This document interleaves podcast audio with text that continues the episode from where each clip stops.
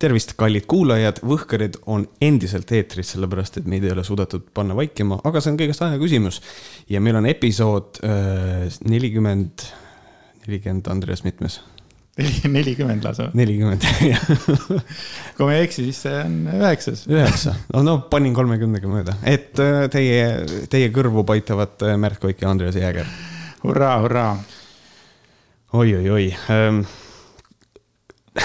põhimõtteliselt on see, et me tegime eelmise saate ära.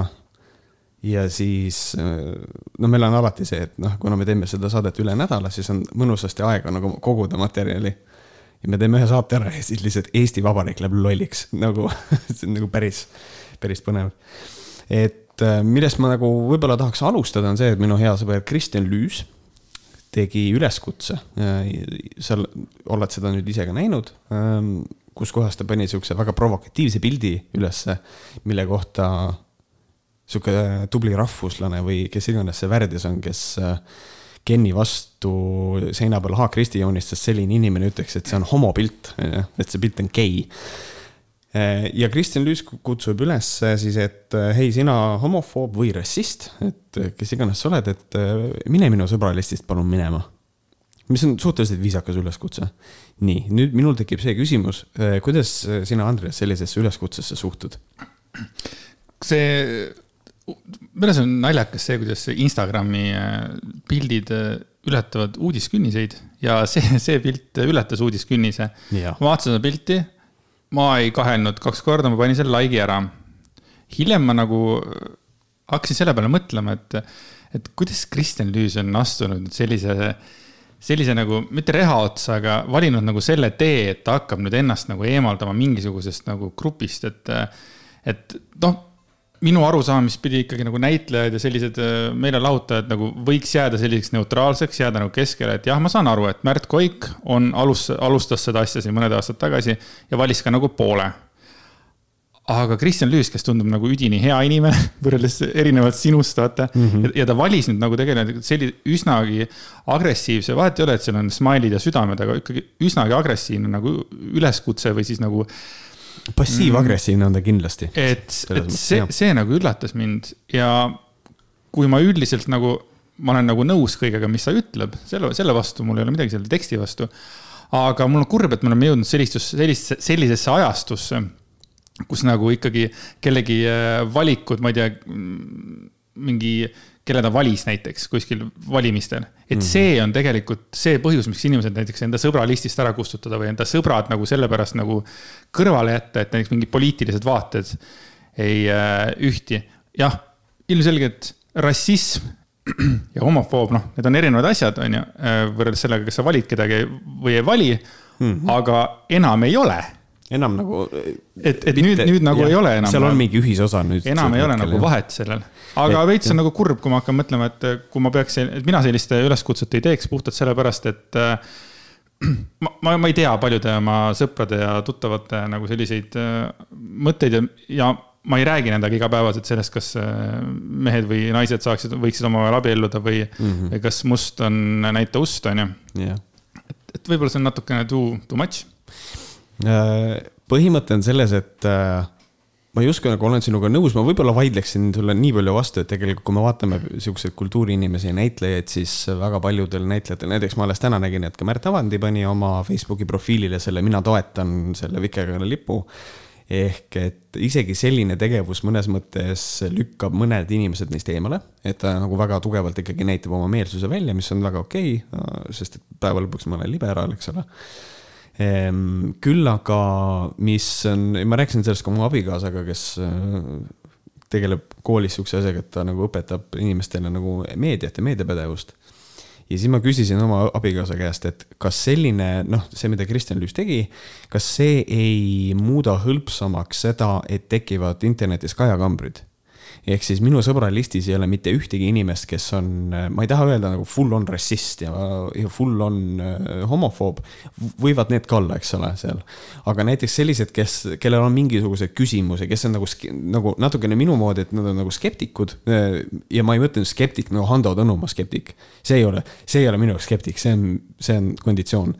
aga et et äh, kellel on nagu mingisugused küsimused, kelle, kelle jaoks võib-olla mingid asjad on lahti arutamata või tal on mingisugune, mis on veel tähtsam minu jaoks, väärarusaam mingisugusest asjast äh, kas siis näiteks USA kasvõi noh, kui me võtame rassismi, et näiteks see süstemaatiline rassism või see, et tal on mingisugune vale arusaam.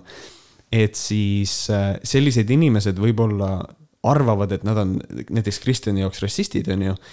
ja siis nad lähevad Kaja kambrisse, kus nad võib-olla kohtuvad siis päris rassistidega ja nendest saavad päris rassistid. ja minu abikaasa ütles nagu selle seisukoha peale seda, et noh, Eesti on nii väike. ja Eestis on Kaja kambrisse sattumine oluliselt keerulisem kui näiteks USA-s. et noh, meil on nii palju ühisosa inimestega ja meil on see ühiskond niivõrd väike, et Kaja kambrisse sattumine Eestis on väga keeruline. ja siis, kui ma küsisin ta käest, et äh, aga kui selline üleskutse on, siis kas see seda nüüd vastupidi siis ei tee nagu kergemaks Kaja Kambesse sattumist? et meil on, lükkame selle müüri vahele ja nüüd on rassistid, homofoobid on seal, liberastid on kõik seal, et nüüd nad ongi Kaja Kambris, et kas ei lihtsusta seda? ja siis mu naine tegi väga pika mõttepausi ja, ja nagu ütles, et noh, selles mõttes küll lihtsustab jah, tegelikult et noh, mina leian seda, et äh, kõige parem viis inimestega nende suhtumist muuta või, või need või vähemalt harida või anda teisi nagu vaatenurki, on ikkagi inimestega suhelda. et ma leian seda, et äh, selles mõttes jällegi absoluutselt inimesel on õigus teha see postitus ja tal on õigus, kui keegi teeb rassistlikku kommentaari, ta sõbralistist ära võtta. ma olen ise ka visanud sõbralistist välja inimesi, kes ja share ivad mingeid valguslapse asju, mingi siuksed asju, noh, mingi esoteeriline nagu hu huina-muina. aga mul on õigus seda teha, eks ole, aga tegelikult see on mõnes mõttes problemaatiline käitumine, et äh, ma leian, et see võib kaasa tuua selle, et lihtsalt me siis ei saagi inimestel võib-olla seda informatsiooni enam anda, sest et mine tea, võib-olla järgmine nädal Kristjan Lüüs jagab mingisugust artiklit mis võib-olla muudaks mõne inimese meelt isegi, aga ta ei ole enam Kristjani sõbra listis ja ta ei näe seda artiklit, kui Lüüs seda jagab. kas äh, Lüüs on kuulanud meie saadet, ei ole, kas sa tead seda? Äh, ma ei tea, aga ma ütlen talle, et ta seda kuulaks. Äh, see on tegelikult juba teine kord, kui me temast räägime. ja, ja ei, selles mõttes, et mees on, mees on julge ja, aga ma natukene ka kahtlen tema, tema valikutes praegu, aga samas kes olen mina võrreldes noh, temaga. ei nojah, noh lõppkokkuvõttes ongi, et nagu ma ütlesin ka, et noh, tal on see õigus seda teha, kui ta seda tunneb, et ta tahab seda teha, see on, see on, see on jumala okei ma tunnen lihtsalt, ma näen praegu, et ta nagu leiab neid äh, mitteaustajaid äh, nagu suure kamalaga juurde praegu. noh, ka see stand-up'i asi tegelikult, ma ei tea, kas sa seda Eesti Ekspressi artiklit nägid, kus äh, öeldi kõikidele vendadele, et lõpetage oma grow up'id ja ja need Bondi asjad ära, et ikkagi noh, et et, et ka, ka seda nagu ja. lugedes, et ma, ma, ma, ma võisin nagu nõustuda sellega, aga mina olen elanud samamoodi Kaja kambris. just nende Comedy Estonia tüüpide, ütleme, podcast'e kuulates. jaa, muidugi, absoluutselt. see on jälle, see on noh, teine sihuke naljakas asi. jah, et noh, lõppkokkuvõttes ongi see, et Kristjanil on selles mõttes nagu minu arust natukene pahasti, et see Eesti Ekspressi artikkel, noh, kuna Kristjani asi on nüüd see kõige uuem, siis tema oli nagu see poster child, et nüüd on, vaadake, nüüd on need fake stand-up'id on ju, siis on Kristjani pilt seal. ja siis, et see on selles mõttes nagu nukker, kuigi mina leian seda, et kui Kristjan Lüüs müüb äh, ikkagi saali välja, siis ja Comedy Estonia või noh, ma ei taha Comedy Estoniale nüüd puid alla panna, kindlasti mitte.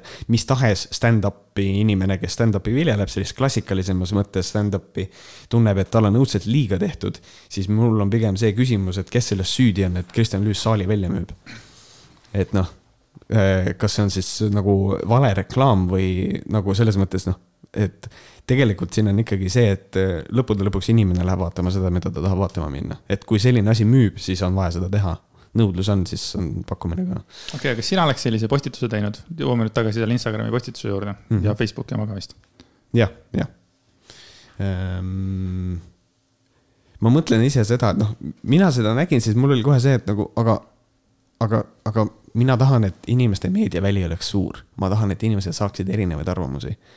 sest et äh, nüüd me nagu jõuamegi natukene sinna äh, Netflixi filmi Social Dilemma juurde, kus kohas üks naisterahvas ütles ka, et tema follow ib Twitteris inimesi, kes ähm,, kellega ta nõus ei ole, lihtsalt sellepärast, et ta näeks teisi seisukohti, sest et ühel hetkel Twitter ainult söödab sulle neid hashtag'e, millega sa nõus oled. et nagu selles mõttes, et siis tekibki nagu kaekamber. et äh, mina ise sellist postitust otseselt ei teeks. muidugi see mõte käis mul peas, et huvitav, kas ma nagu võiksin ka teha. korraks nagu mõtlesin, aga siis oligi see, et ei, ei, ei, et äh, milleks see ei aita tegelikult mind. ma mõtlengi seda, et kui minu mingi, ma ei tea, ema või sugulased või keegi seda samamoodi loevad, siis samamoodi on kohe mingisugune barjäär meie vahel, mitte et ma nagu noh, ma, come on, ma teen podcast'i nagu eh, inimesed nii või naa nagu teavad, mida ma mõtlen mm. -hmm. aga kuidagi Facebook on, ma, ei saa öelda, et Facebooki sein on minu jaoks nagu püha, aga ma ei taha seda nagu risustada sellise poliitilise mingi mögaga mm. -hmm aga, aga, aga teine küsimus on see, et näiteks su sõbralistis et on keegi, kes ütleb, hei, sina liberast ja, ja kõike, et mine mu sõbralistist minema. mina ei läheks. mina ei läheks. kui sa, kui sa ei taha, et ma su sõbralistis olen, siis võta mind ise ära. nagu see on nagu sinu probleem. et noh, ma ei tea. mina väga naudin neid inimesi, kes on minu sõbralistis ja on väga äh, tugevad EKRE pooldajad ja nagu väga agressiivsed. ja, ja ma olen nagu märganud seda, et, äh, et Varro Vooglaiu see haare on järjest suurenenud kui varem ta karjus seal äh, ütleme tuhande viiesajale inimesele Youtube'is ja mm, -hmm. ja, ja siis oma Facebooki seina peal ka, siis praegu ikkagi need numbrid on läinud juba kuus tuhat, kümme tuhat, kaksteist tuhat. et äh, see järjest nagu tõuseb ja see ongi naljakas, et tegelikult need vennad, kes kaklevad, mm, joovad viina ja, ja kõiki muid hirmsaid asju teevad, onju, siis need jagavad praegu Varro äh, nagu neid Objektiivi äh, videosid, siis on niimoodi, et vau wow.. et, et, et ta on jõudnud nagu mingi sellise, ma ei tea, massini, mida ta varem poleks nagu kuidagi suutnud. ja see on kõik tänu EKRE-le. jah, põhimõtteliselt küll, et, et selles mõttes, et tuleb anda au nagu selle koha pealt nii EKRE-le kui ka siis äh, Varro Zunftile, et neil on jube töö, jube hästi korraldatud äh, see, kuidas ma ütlen, sihuke propagandamasin on neil väga korralik, see töötab väga hästi selles mõttes, et seda tuleb tõdeda et nemad oskavad seda Overtoni akent kuidagi liigutada väga osavalt. aga rääkides sellest äh, nagu sellest tsuntist, siis meil oli siin äh, vahepeal, äh, meil on kahe saate vahel olnud reaalne valitsuskriis. järjekordne, ma isegi ütleks. et mis sai siis alguse sellest, kui Deutsche Wellele Mart Helme ütles seda, et las, las Eesti homod, et, et las nad jooksevad Rootsi ja siis see ei ole nagu päris selge, kas ta ütles Rootsi või Rootsis sellepärast, et millegipärast kogu see suur, seal hakkas mingid erinevad tõlgid hakkasid rääkima, et ta ei öelnud, et nad peavad Rootsi jooksma, ta ütles, et nad jooksevad Rootsis.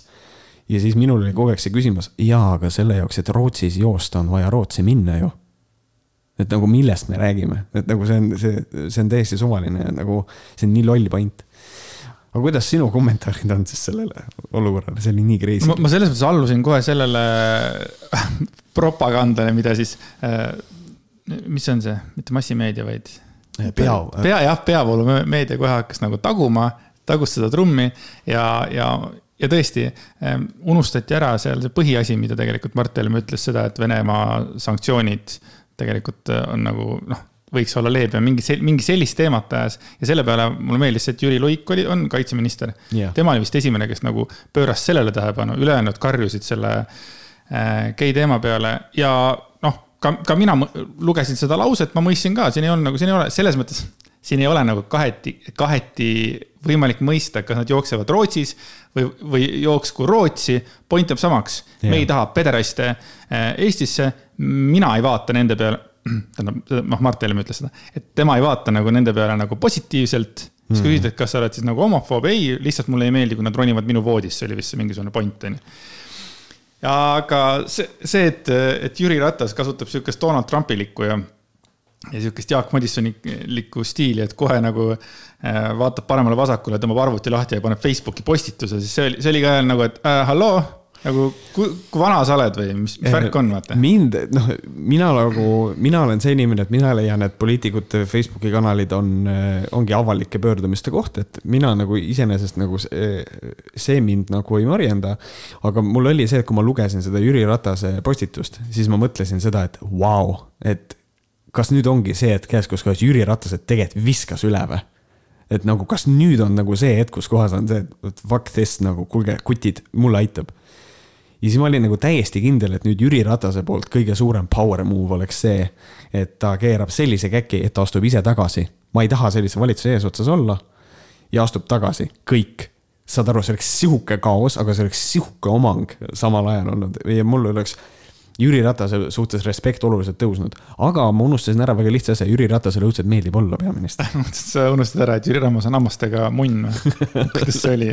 Ma ei tea, et nagu selles mõttes, et äh, paraku siis äh, nad leidsid ikkagi seal ühise keele ja ma ütlen paraku sellepärast, et nagu see on nii selgelt kuidagi, mis mind kõige rohkem nagu, mis oli minu arust rõve, oli see, kui tuli see pressikonverents, kus kohas oli siis äh, Heli, Helir-Valdor Seeder, Martin Helme ja siis Jüri Ratas ja nad pidasid seda, et noh, me leppisime ära ja terve selle aja Martin Helme lihtsalt muigab kogu aeg.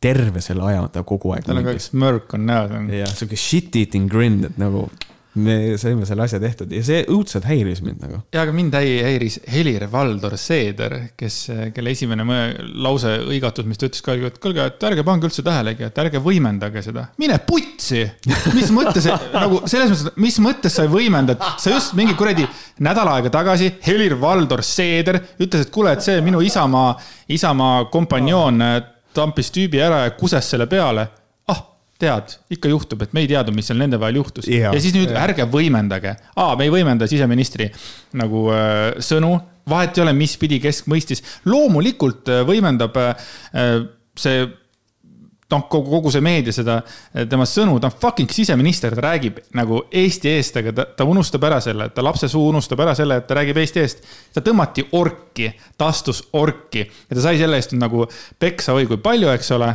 aga kuidagi on ikka jälle kõik teised on süüdi kui peale tema just, et äh, see äh, Raul Rebane ütles ka väga ilusasti, et noh, tegelikult meedia ülesanne ju tegelikult ongi ikkagi äh, ka sotsiaalmeedias ja kõikidele, kõikidele sellistele pisikestele asjadele tähelepanu juhtida, et millega poliitikud tegelevad. et nagu selles mõttes noh, minu arust Isamaa see, minu arust Seeder on hästi maota mees. minu arust ta on, ta on lihtsalt ta on nagu poliitikuna, ta on nagu see papi, see kahe, kahe dimensiooniga see papi kuju, mis sa tõstad ruumi sisse nagu. ja siis ta ütleb seda, mida vaja on. et Martin Helme nimetas seda lepitajaks, äh, selle tüli lepitajaks, siis ma ei kujuta ette Helir-Valdor Seeder lahendamas mingit tüli ta ütleb mõlemale osapoolele, et ei, sul on õigus tegelikult. Ja, ja sul on õigus. Ja siis öö, selle pealt loodab, et nad lepivad ära. et selles mõttes ikkagi jube nagu, jube nagu crazy. Ja siis loomulikult see okse ka, et ikkagi ilmselt sellepärast ka Martin muigas, et tegelikult siis valitsus jäi püsima prolli selle baasil, et davai, jätkame, aga nagu selle nagu pointiga, et teeme selle referendumi ikkagi ära. Fuck it, teeme varem ära selle, nagu et noh, seal on nagu väga tugev EKRE töövõit ikkagi mm. -hmm.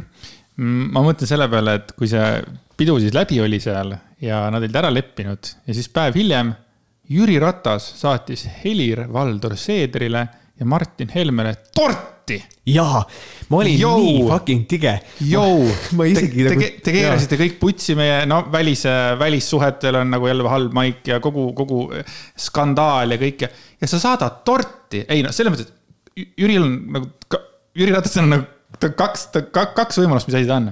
Kas ta on täiesti geniaalne, läbi aegade parim peaminister, kes üldse olla saab, või ta on ikka täielik debiil ma, ma, ma ei suuda nagu praegu aru saada tegelikult ka, aga kui ma nüüd hakkan mõtlema, et aga, et siis nagu Kaja Kallas kes oleks võinud seda nagu, mul on jube hea tsitaate targutada praegu, kes oleks võinud seda nagu kohe ära kasutada ja umbusalduse palju kiiremini tööle panna, siis olid veel rahvas ei olnud veel nagu aru saanud, mis toimub, ei olnud ära lepitatud, ka Keskerakonnas oli palju inimesi, kes oleks võinud ta vastu hääletada. ei, see lihtsalt ka selles mõttes kaagutab, aga tema, tema välistab kõik, ei, ma ei suhtle sellega, ma ei suhtle sellega, ma ei suhtle. ja siis, mis meil valikut ongi, meil ongi ainult Jüri Ratas, sest Jüri Ratas viskab käed pihku, annab torti, eks ole, saab jalaga peres, aga ta läheb eluga edasi mm. -hmm. aga Kaja Kallas äh,, jube tore, ta, mulle õudselt meeldib Kaja Kallas, aga see tema nagu tema juhtimisstiil äh,.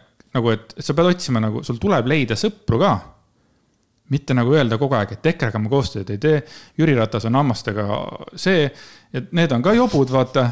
Ja siis kelle, noh, ma ei tea, see on ka nagu üsna, üsna näotu nagu mõnes Reformierakonna poolt ka jah, ma veel. Nad ei kasuta ära seda võimalust. just, ma veel, ma veel isegi tweetisin ka seda, kui see tordi asi, ma olin nii nagu what the fuck nagu ja siis Martin Helme ju veel, ta ju täiesti teadlikult poseeris ka selle tordiga veel, see on üks see Delfi uudis või.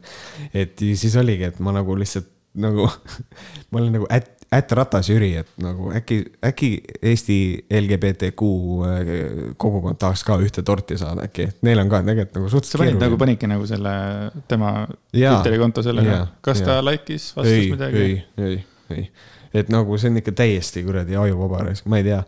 Ma, ainus, ainus lootus on see, et kuskil tagatoas on mingi grand plan nagu, mingisugune grand plan, mis on nagu lihtsalt see, et äh, aga ma ei, isegi ei kujuta ette, mis see grand plan võiks olla, et see, see tundub minu jaoks nii absurdne lihtsalt kogu see olukord. minule näiteks tundub isiklikult nagu mitte keegi ei võitnud sellest mitte midagi, korraks oli nagu põnev.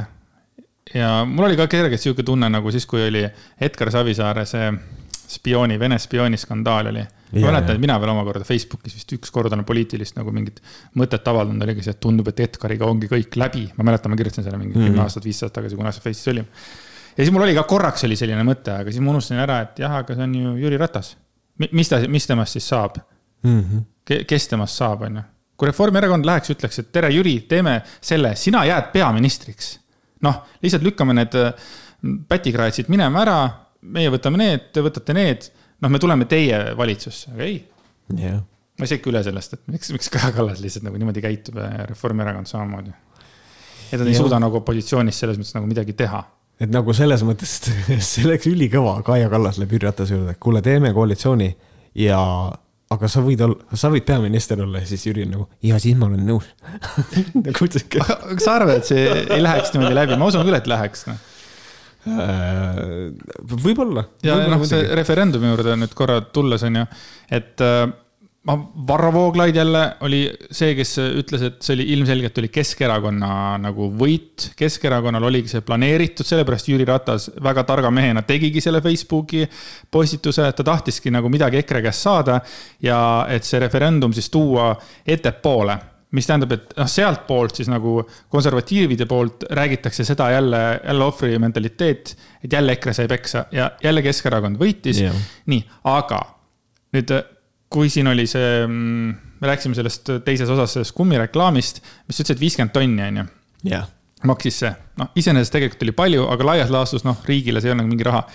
Uh,. mingisugune referendum maksab kaks miljonit fucking eurot. Yeah.. saad aru, kaks miljonit eurot me, me paneme selle peale, et küsida, me isegi ei tea täpselt äh, veel, äh, nagu küsimust ei ole välja mõeldud, et mis see küsimus siis on, et kas, kas abielu on mehe ja naise vaheline liit või kas abielluda võivad ka äh, oma soo iharad, kuidas see küsimus üldse on? selle peale me paneme kaks miljonit, nüüd ütlen mina ka, see on juba, vot see on juba putsi minu raha. nagu tegelikult ka. Ja ma ei ole, mina, ma ei ole nagu sellega nõus nagu, mis ma tegema peaks? mina leian seda, et me võiksime tegelikult äh,, minul on selle referendumiga väga, väga nagu selge arusaam. mina leian seda, et tegelikult me võiksime teha äh, kõik inimesed, kes tahavad abielluda, vahet ei ole, kes nad on või mis soost, vahet ei ole, kõik inimesed, absoluut kõik kui nad tahavad abielluda, siis nad lähevad äh, vastavasse asutusse, maksavad riigilõivu ja nad lähevad nimekirja ja siis me korraldame referendumi, kus terve Eesti rahvas otsustab, kas need kaks inimest võivad abielluda. Äh, põhjus on väga lihtne, äh, sellepärast et kui me, kui me peaksime otsustama, kas need inimesed omavahel võivad abielluda, siis miks mitte teha seda juba niimoodi. et selles mõttes, et äh, kui kaks inimest tahavad abielluda, las nad abielluvad, mis see sinu asi on, kui see sulle ei meeldi. ma ei saa sellest aru, selles mõttes ongi, ma ei saa sellest referendumist aru. see on täiesti mõttetu raha raiskamine, fuck that shit ja ma ei tea, kõige targem, miks üldse see põhiseaduses ära määratleda. Fuck me, see tundub nii loll, meil on olemas vastavad seadused selle jaoks nagu. ja see on vaja põhiseadusesse panna, see oleks nii suur nagu, see on lollus selles mõttes minu arust. aga kas poleks mitte naljakas, kui see referendum selles mõttes kukubki EKRE jaoks läbi, et äh, inimesed võt-, vaata äh,. EKRE on populaarne, nagu me näeme, ta on populaarne, aga seal on nii suur aga kui, kui kakskümmend protsenti inimest valib EKRE, siis ma kujutan ette, et mingi seitsekümmend protsenti nagu noh, üsnagi tuliselt ei salli EKRE-t. vihkame mm -hmm. õige sõna, aga ta, ta ei salli. mis tähendab, et see referendum võib kujuneda ka EKRE vastaseks äh, selleks, et isegi need, kes tegelikult arvavad, et võib-olla mees ja mees ei peaks abielluma, lähevad, annavad selle häälekese puhtalt sellepärast, et äh, olla nagu EKRE vastu noh mm -hmm., see, see on nagu üks võimalus, teine variant on see, et inimesed ei lähe valima äh,. kõigil on jumala pohhu ja mm -hmm. lõpuks tuleb jälle mingisuguse väikese protsendiga võidab siis see noh, niinimetatud et, et ei soovita siis, et nagu mm. -hmm. ongi, et EKRE inimesed lähevad valima, on ju, ja teistel on nagu mõtlevad, aga mis seal ikka on ju, kuigi ma arvan, et enam seda ei juhtu, praegu see asi on juba läinud nii kuradi polariseerituks, et see on nagu täitsa haigene. et mina ise leian seda, et nagu tegelikult äh, EKRE-l on selle referendumiga kaks varianti, nad kas täiega võidavad või nad võidavad natukene. täiega võidavad nad siis, kui referendum läheb nii, nagu EKRE tahab, ehk siis äh, põhiseadusesse läheb, et naine ja mees millega tuleb kaasa väga suur, äh, väga suur osa, ma ei tea, kas sellega on üldse arvestatud, äh, väga suur osa järgnevaid probleeme, kui me räägime sotsiaalsest soost ja nagu seks ja gender'i, kui me hakkame sellest rääkima. et siis mees ja naine, et kas see on siis bioloogiline sugu või see on sotsiaalne sugu, millest me siis räägime. mis aga, sotsiaalne sugu? no sotsiaalne sugu ehk gender ehk siis see, milline sa sotsiaalsfääris inimesele nagu, kas inimene vaatab sulle peale, suhtleb sinuga, et sa oled naine või kas sa oled mees et need, see erineb inimese bioloogilisest soost. et noh, selles mõttes kõige parem näide on see, et keegi võib suhelda naisega ja siis ta saab pärast teada, et ta oli mehena sündinud. et siis sa ei rääkinud, sa ju enda arvates ei rääkinud mehega, sa rääkisid naisega, buum, see ongi sotsiaalne sugu okay.. et aga teine variant on see, et see referendum kukub läbi. et tuleb välja, et Eesti rahvas ütleb, et ei, las olla, ärme pane seda põhiseadusesse siis EKRE võidab sealt ka natukene ikkagi, sest et nad saavad panna seda, et variant A hääletusel tehti mingi jama. tahtsin seda öelda, et siis kindlasti läheb karjumiseks, et ja. hei no, võltsimine kindlasti, ma, ma tahaks õudselt näha seda, seda referendumi tulemust, kui see oleks nagu, no läheks nii, nagu mina leian, et see võiks minna. ehk siis referendum kukub nagu läbi, ma tahaks ma tahaks teada, mida näiteks Varro Vooglaid tunneb, kui ta loeb seda tulemust. ma tahaks teada seda ja esimene mõte, mis tal pähe tuleb. täpselt samamoodi siis EKRE omad ka, et, et kas esimene mõte on see, et kurat, me kukkusime läbi. või on see, et kurat, nad tegid mingisuguse kuradi kammaia seal hääletusel. või siis teine variant ongi nagu see, et selle hääletuse tulemusena võivad mõned inimesed, kes on sellised undecided äh, mingi EKRE koha pealt Eh, veel nagu vihastuda ja minna EKRE poolele üle. mina leian, et EKRE võidab nii ehk nii sealt. ehk siis eh, noh, selline eh, nimetame seda mõnes mõttes radikaliseerumiseks. ehk siis ma ei tea, mul sihuke EKRE, ma ei tea, ma, ma nagu olen kuskil seal keskel ikkagi siis äh, keegi ütleb, et siis tuleb välja, see referendum kukub läbi, et inimesed e, üldiselt arvavad, et ei, geid võiksid ka abielluda. siis see võib-olla lükkab ta sinna EKRE poole üle, sellepärast et minu ema näiteks ütles seda, et tema teab oma tutvusringkonnas mitut inimest, kes, kellele EKRE ei meeldi, aga ei, abielu on ikka naise ja mehe vaheline asi. et on selline seisukoht. sa võtad niipidi jah, okei okay. mm. -hmm. Mm -hmm. aga noh, selle teemaga nagu kohe läks äh, ka valimisvõitlus pihta, et Züleyxa Izmailova kui ma ei eksi, oli see tema, kes tegi selle petitsiooni, eks ole? kus seal anti nagu digiallkirju. et Just. Äh, kas see on okei okay,, et äh, oma soo viharat, kuidagi, kuidas see õige? selle, selle point oli see, et ähm, et nad panid nagu ülesse selle rahvaalgatusse, et muuta hoopis perekonnaseadust. jah, sorry. ja selle, noh, põhimõtteliselt selle taga siis seisab erakond ehk siis Eestimaa Rohelised. ja viimane kord, kui ma vaatasin, siis seal oli vist kakskümmend üle kahekümne, ma tahaks öelda kakskümmend seitse tuhat allkirja, ma ei ole kindel, kas ma praegu õigesti ütlen, aga no kõvasti üle kahekümne tuhande. ja samal ajal, mida jagas ka fucking Urmas Reitelmann, out of all people eh,, petitsioon.ee, mis on täiesti mõttetu sait, eh, sest et rahvaalgatusel on see variant, et see läheb päriselt Riigikokku. petitsioon.ee on lihtsalt see, et sa oled vihane, et teed raha eest petitsiooni, mis on mõttetu. kus on siis eh, petitsioon, lõpetage homopropaganda kõik ja sellel oli täna hommikul, vaatasin kaks tuhat allkirja. et nagu mõnes mõttes see kakskümmend pluss, ütleme siis kakskümmend viis tuhat pluss kaks tuhat või noh, see kakskümmend viis tuhat ja sinna kõrvale panna kaks tuhat, siis nagu mõnes mõttes ma tunnen, et kurat, sellel referendumil võib minna hästi. Äh, jaa, tahaks jälle aga öelda, sellepärast et äh, võib-olla need äh, ei anna digitaalseid allkirju, kes on nagu selle vastu.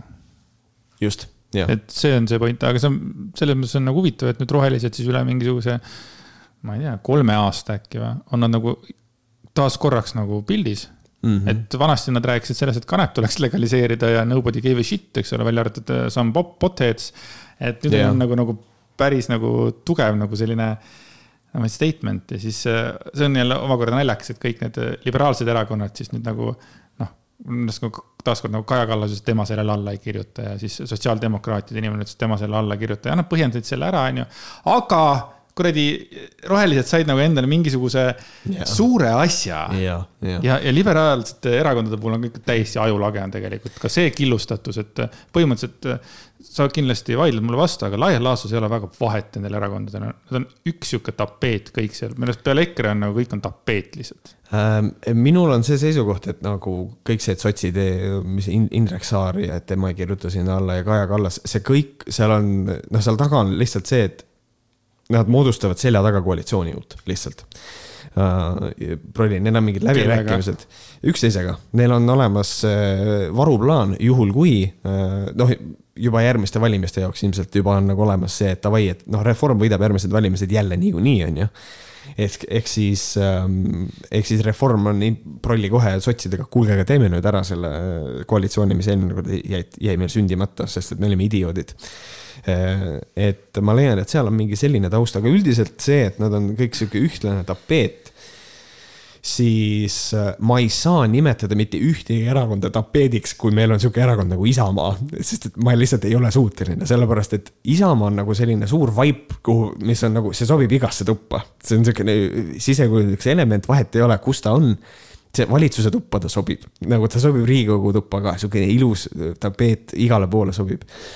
et et ähm, aga üldiselt selles mõttes ma olen nagu nõus, et kui me räägime nüüd sotsidest või Reformierakonnast või siis Eesti kakssada, nad ei, nad ei erine üksteisest piisavalt.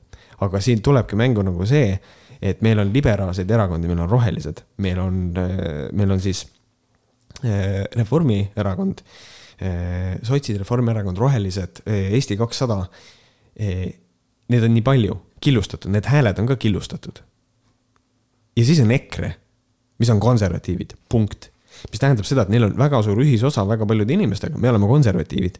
ja need inimesed, kes ütlevad ei, et mulle see kuradi, mulle see, mulle see EKRE ei meeldi, aga nad on konservatiivid, siis nad hääletavad Isamaa poolt.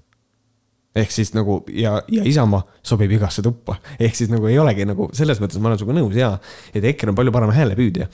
puhtalt läbi selle, et neil on suur erakond, nad on väga paljude inimestega nagu, neil on ühisosad olemas, jah jah, fucking Helir, Helir-Valdor Seeder mm,. mis asi sealt veel välja tuli sellest kriisist, oli siis teise samba väljavõtmise otsus siis nagu, et tehti see ära. mis, mis on nagu selle, sellega suheld-, suhestud, ütleme nii minu suhestumine on see, et paraku mul on pohhui, sest et. sul ei ole ühtegi senti seal? Äh, mul on seal mingid sendid, aga see on nii marginaalne summa, et ma ei hakka seda sealt välja võtma, pohhui. et, äh, et küll on nagu see, et, ähm, et mõned inimesed nagu äh, ei pruugi sealt üldse võita, kui nad selle raha välja võtavad. Ähm, et noh, minu, minu seisukoht on see, et ma olen, ma olen nagu liberast selle koha pealt, et nagu mina liberaalse inimesena leian seda, et et äh, inimestel võib olla see vaba tahe ja soov käia oma rahaga ümber nii, nagu nad tahavad. et okei okay,, kui sa arvad, et sul on, kui sa tõesti arvad, et sul on õige mõte see raha välja võtta, do it, et noh. see ei ole nagu, et põhimõtteliselt äh, mina lihtsalt kardan sellepärast, et meil on nüüd, lähevad mingid aastad mööda kus kohas äh, mõned inimesed hakkavad tänu sellele, et nad selle raha välja võtavad, saama vähem pensionit ja siis hakkab see furoor pihta, kus kohas on mingid inimesed, kellel on tohutult halb rahahügieen, on ju. siis nad hakkavad nagu kurtma selle üle, et ma saan poole vähem pensioni, et mulle tõmmati kott pähe selle te teise sambaga. ehk siis poliitikud valetasid mulle, öeldi, et ma, mul on, on, ma ei tea, elu parem, kui ma selle raha sealt välja võtan, aga nad ei adu seda, et nende pension võib sellest väiksemaks jääda. et noh ma kuulasin täna Rein Langi saadet Olukorrast ajakirjanduses ja Rein Lang oli hästi nagu ta tegi hästi musta pildi tegi sellest nagu, et, et tema ütles, et tulevikus võiks nagu inimesed panna, ma ei tea, raha selle peale, et teha supikööke, sellepärast et supiköökides hakkab kõige suurem klientuur olema. et mm -hmm. noh, see on nagu see yeah, ja mind yeah. pani kohe see mõtlema, et kas siis nagu, kuna ma ei ole seda nagu seadust läbi töötanud, kuna see on nii värske seadus.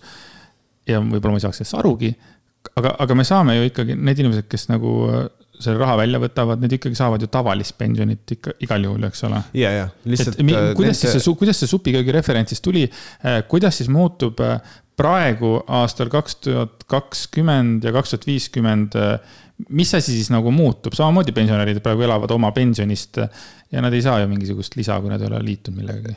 põhimõte on selles, et mis võib selle tulemusel muutuda, on see, et nende pension on lihtsalt väiksem ja kui me võtame praegusel hetkel aastal kaks tuhat kaheksateist, nüüd ma kukun oma Vaba Lava lavastuse teksti, aga see on oluline fakt siinkohal. et aastal kaks tuhat kaheksateist viiskümmend üks protsenti Eesti vanaduspensionäridest on, elavad suhtelises vaesuses. mis tähendab siis seda, et iga teine, et iga, meil on iga teine pensionär on suhtelises vaesuses. ja kui nüüd me nagu lähme selle peale välja, need pensionid öö, on tulevikus väiksemad, kui nad võiksid olla siis see supikogi referents on selles mõttes hea, et, et noh, tõepoolest on, et noh, et inimesed on vaesemad, pensionärid on vaesemad. sest et Eestis on pensionärid vaesed. aga inetu kogu selle asja juures on see, et äh, vist nagu ma aru saan siis, siis kakskümmend protsenti tuleb anda riigile, et kui mul on mingi raha seal sees, siis kakskümmend protsenti ma annan seda riigile. ja see tundus mulle küll nagu, et äh, nagu mida perset see, see on jälle see, et vot see on küll minu raha, kui see kaks miljonit, mis nagu siin referendumile pannakse, on nagu kuidagi üldine niimoodi nähtamatu minu raha, aga, aga see, mis mul seal peal on, see on küll minu raha. põhimõtteliselt on see, aga, aga pensionis on ka riigi osalus. et nagu sa võid seda nagu sellega ka võtta, et see osalus okay. võetakse välja et nagu selles mõttes äh, on see. no siis peaks seda kuskilt äh, kalkulaatorit panema tegema, nägema, kui palju see riigi osalus siis tegelikult on minu jah, absoluutselt, ma leian, ma leian seda, et kogu see asi võiks olla super läbipaistev mm, -hmm. nagu selles mõttes küll ja sellega ma olen nõus. ja kui ma nagu varasemalt olin nagu hästi vastu sellele, et see reform läbi läheb, see, seesama, et saab välja võtta ja taas mõtlesin ka selle peale, et äh, võib-olla siin mingi raha väärtus langeb tänu sellele, kui hakatakse ostma mingisuguseid asju, järsku hakkab mingi majandus pihta, eks ole ja et tõesti, et inimesed nagu võivad olla rumalad. aga siis ma sain aru, et see ei ole tegelikult minu probleem, inimesed on niikuinii rumalad mm. -hmm. ja selles mõttes, kui see nagu vastu võeti, see otsus, siis on tore on teada, et mul on see võimalus äh, kasvõi oma elu rasketel hetkedel, see ei tähenda seda, et ma läheksin ostma endale mingit autot või mingisugust reisi, on ju, noh, mina seda ei teeks mm. -hmm. Aga et äh, tõesti, kas mingisugust laenu ära maksta või siis, kui on juba raha nii palju kogunenud, kasvõi osta mingisugune väike korter, mis hakkab omakorda mulle passiivset äh, tulu tooma või neid, neid variante on tegelikult. ja, ja äh, mis on nagu võimalikud, sest et ma ja, vaatasin, et mul jah. seal oli nagu seda raha on noh, normaalselt et nagu see variant on, et kui sul on nii palju raha puudu, mille sa saaksid oma sellest teisest sambast välja võtta, et sa saad osta ühe korraliku korteri näiteks täiesti enda nimele ja siis selle välja üürida mm. -hmm see on, see on samm, mis on tark. Nagu. et see ongi nagu pensionisammas, vaata. aga see eeldab head rahahügieeni inimeselt, et ta teab, et ta saab aru, kuidas rahaga ümber käia. aga meie nagu, kui keegi võtab selle raha ja siis ostab endale omaenda korterisse uue uhke riiuli seina peale, onju eh, siis tekib küsimus, et kas see on seda väärt pärast, et sa saad väiksemat pensionit. taaskord kuulates eh, saateid, siis ma kuulsin, et Eesti rahva rahahügieen pidi olema ülihea võrreldes äh, noh, mis seal on Itaaliad, Hispaaniad mm, -hmm. toodi see koroona näide, et kui koroona tuli, siis Itaalias, Hispaanias nagu viimasel hetkel, ahah, et kohe varsti enam midagi ei saa, siis kõik inimesed la laenasid ennast lõhki, krediitkaardid, mis iganes asjad ja eestlastel oli vastupidi, nagu need tõmbasid nii alalhoidlikuks ära, et mm -hmm. pangaonud vaatasid, et ohohoo milline yeah. rahvas, et ma olin ka väga üllatunud seda fakti, ma ei tea, kui, kui õige see fakt on, aga ma olin väga üllatunud sellist fakti kuuldes, sest mina olen ka alati äh, tundnud, et äh, et Eesti rahvas ei oska nagu rahaga ringi käia mm. -hmm. noh, see tundub siis, et ikkagi oskavad.